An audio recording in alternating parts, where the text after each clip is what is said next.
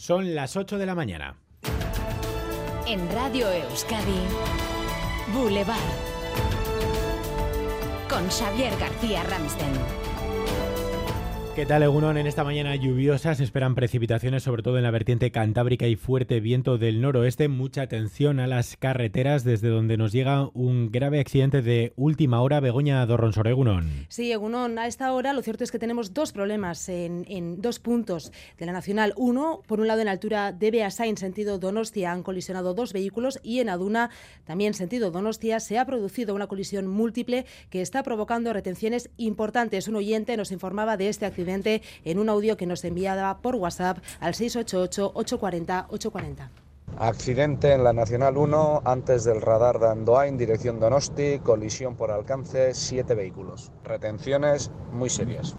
Por el momento, el Departamento de Seguridad desconoce si hay heridos, pero han enviado una ambulancia al lugar y por lo demás vemos la densidad habitual a estas horas en la A8 en Baracaldo, en la recta del Max Center y también en la zona de La Avanzada. Lo vemos ahora mismo en esas cámaras del Centro de Gestión de Tráfico de Euskadi que pueden consultar en directo en NTV2 y mucha atención a esos dos accidentes en la Nacional 1 en Beasain y en Aduna, gracias a la audiencia que nos informa a través del 688-840-840, el WhatsApp de Radio Euskadi. Si son testigos de más incidencias, ya saben, esperamos grabadas ahí sus notas de voz. Mucha atención en las carreteras en esta mañana lluviosa. Enseguida el pronóstico de Euskalmet y la información detallada del tráfico.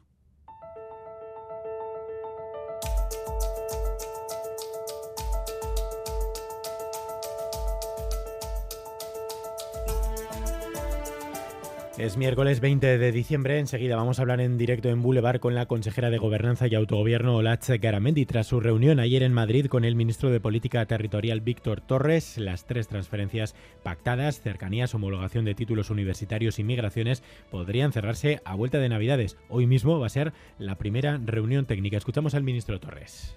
El Gobierno de España va a cumplir. Va a cumplir con los acuerdos. A vuelta de los Reyes, pues tenemos la festividad de Navidad tenemos la posibilidad de llevar esa ponencia técnica y cerrar ya esos acuerdos, es decir, no, no paramos. El gobierno español además ha aprobado otros dos puntos del pacto PSOE-PNV, la prevalencia de los convenios vascos sobre los estatales y la desanexión de Usánsolo. Allí tenemos esta mañana a la unidad móvil de Radio Euskadi, Gorka Saavedra Egunon. Eh, Gunón, sí, tras el acuerdo del PNV para la investidura de Sánchez, el Consejo de Ministros aprobó ayer que sea 4.000 el mínimo de habitantes para constituirse en municipio independiente. Por lo tanto, tras esa modificación, antes eran 5.000, Usánsolo ya no tiene sobre el papel ningún impedimento para funcionar de manera independiente. Los acuerdos se están cumpliendo. Los gobiernos vasco y español hablan de una nueva etapa de relaciones.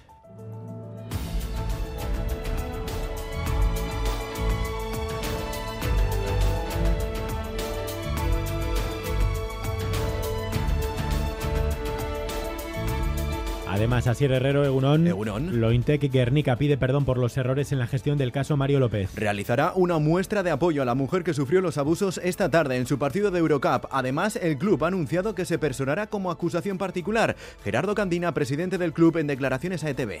Igual deberíamos haber tomado este tipo de acciones antes.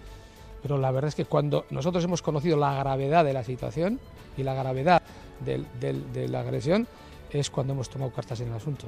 ¿eh? Y es cuando realmente hemos conocido la gravedad de la situación, el domingo, cuando sale en el país. Además, pide revisar el sistema para evitar que este error se repita. Dos exalumnos del Colegio Escolapios de Bilbao denuncian haber sufrido abusos sexuales durante la década de los 70. Y no se descarta que haya más víctimas. Según ha podido saber EITB, el agresor es Damaso Ciordia, un religioso que ejercía de profesor, fallecido el año pasado. Ha sido la comisión de víctimas que lleva el caso la que ha dado a conocer los hechos mediante una circular. Los padres del colegio aplauden que haya sido el propio centro el que haya dado a conocer los hechos.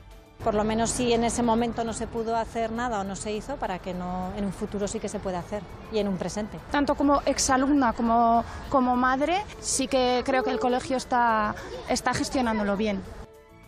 El gobierno de España reforma el subsidio de desempleo y amplía la baja por lactancia. Quienes hayan agotado el paro cobrarán más los seis primeros meses, 570 euros, aunque a medida que vaya pasando el tiempo, la cifra se reducirá. Además, mientras estén trabajando, también podrán cobrarlo durante los primeros 180 días. Yolanda Díaz, ministra de Trabajo no solamente no recortamos ningún derecho, sino que van a ver que ampliamos sustancialmente la cobertura Y en cuanto al permiso de lactancia, hasta ahora dependía de si estaba recogido o no en convenio. Desde hoy se universaliza y se fija en un mínimo de 28 días. El ministro francés de Salud presenta su dimisión tras la aprobación de la nueva ley de inmigración. Y otros seis ministros podrían haber amenazado con seguirle según Le Figaro. La norma ha salido adelante en una sesión muy bronca.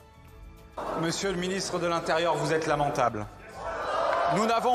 Y gracias al apoyo de la ultraderecha de Marine Le Pen, la norma endurece las restricciones para solicitar ayudas. Sin empleo, los extracomunitarios tendrán que esperar cinco años, los que sí lo hagan dos años y medio. Además, los estudiantes no comunitarios que vayan a estudiar al país galo tendrán que dejar una fianza. Y esta noche tras el Teleberry, nueva edición del programa 12 minutos con el chef Andoni Luis Aduriz. Junto a él, la directora de informativos de EITV, Arancha Ruiz, repasará su recorrido desde cómo llegó a la cocina hasta convertirse en uno de nuestros cocineros más reconocidos. Me dijeron, ni intentes ir a hacer BUPCO y universidad, o sea, dedícate a cosas manuales.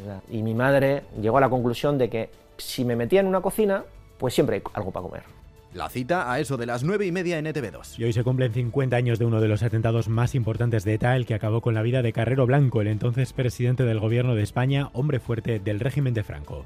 Un cráter en la calzada de unos 8 metros de diámetro por 4 de fondo, y graves daños en los edificios. Así narraba el nodo hace 50 años ese atentado que cambió el guion de la historia de España y de ETA. La organización terrorista llegó a dar una rueda de prensa en varios idiomas explicando, asumiendo y alardeando del atentado. We did it as a response to the repression that the Spanish police and the Spanish government is having against the Basque people.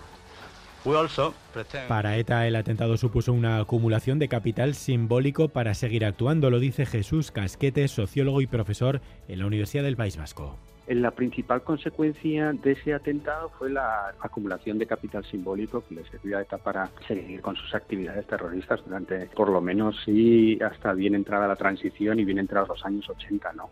Supuso, junto con el juicio de Burgos, los principales hitos. es parte de, un reportaje de Iñaki Larrañaga que escucharemos íntegro dentro de una hora en Boulevard. Titulares del deporte, César Pérez Gazola, Cegunón. Egunon Xavier, nueva derrota de Basconia, la tercera seguida, los de Usko perdían en Belgrado, en partido de Euroliga ante el Maccabi por 8 puntos, 8-9, 8-1. Y esta noche, último encuentro del año para el Athletic en San Mamés y ante la Unión Deportiva Las Palmas a partir de las 9 y media. Vuelve el capitán Iker Muniain. Boulevard. BRTA, Alianza Vasca de Investigación y Tecnología, te ofrece el tiempo. Conectamos con Euskalmet, Cegusquiña y Turria Unón. Egunon, jornada lluviosa. Las precipitaciones están siendo generalizadas y localmente abundantes con el paso del frente. A partir del mediodía, las precipitaciones serán en forma de chubascos y algo más locales y ocasionales y afectarán principalmente a la vertiente cantábrica. El viento del noroeste será intenso, con rachas muy fuertes, aunque irá perdiendo algo de fuerza a medida que pasen las horas. Las temperaturas máximas serán similares o descenderán ligeramente en la vertiente cantábrica. En cambio, subirán un poco en la sur. De todas formas, valores entre los 8 y los 11 grados. Resumiendo, tiempo desapacible con lluvia y viento. Vamos a repasar los eh, termómetros. Hasta ahora tenemos 8 grados en Gasteiz, 9 en Iruña, 11 en Donostia y 12 en Bayona y Bilbao. Aupa, egunon, Guernica, Lumón, amabi gradu. Ondo pasa. Egunon, Bermion, amabi gradu. Ondo izan. Egunon, Carranchan, amar gradu. Agur. Egunon, en los arcos 9 grados. Aupa, agur.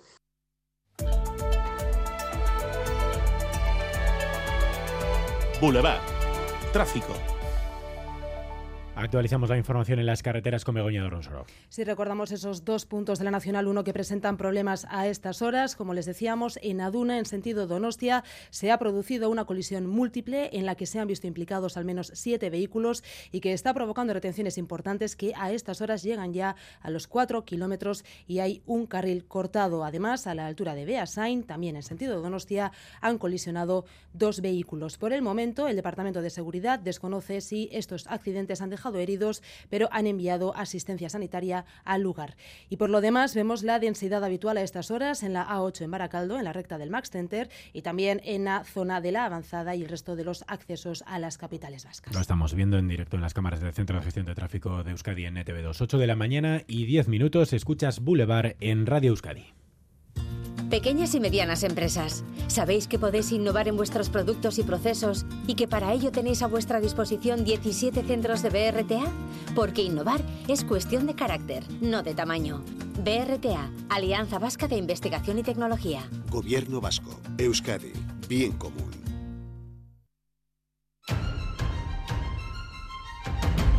Recupera los contenidos de Radio Euskadi en la web eitv.eus y en la app EITV Nayeran.